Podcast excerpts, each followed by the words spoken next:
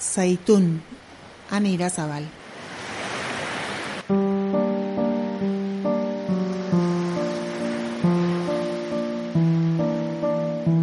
Iragan otxaietik zeireun mila errefusiatu Ukrainar erregistratu ditu Alemaniak. Horiek dira migrazioaren agentziak eman dituen datu ofizialak. Baina gobernuak onartzen du Alemaniara iritsi direnen benetako datua bikoitza izan daitekeela. Zaila da, jakitea horietako zenbat bizi diren une honetan Alemanian, batzuk joan etorrian dabiltza eta askok beste hainbat herrialdetara mugitzeko erabakia hartu dute.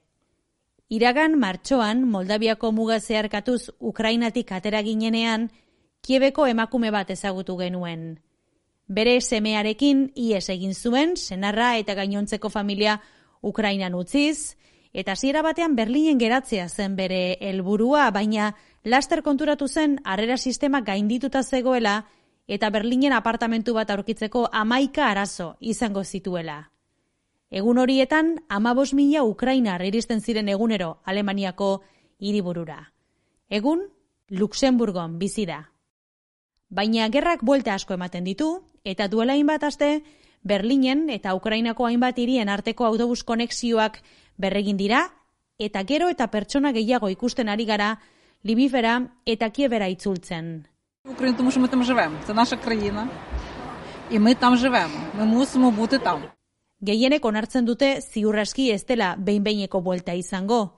Alegia, ziur daude gerraren evoluzioaren arabera berriz ere ies egin beharko dutela. more uh, friends in Ukraine stay and uh, more volunteers, more uh, in Teroborona and uh, more friends in uh, Kiev.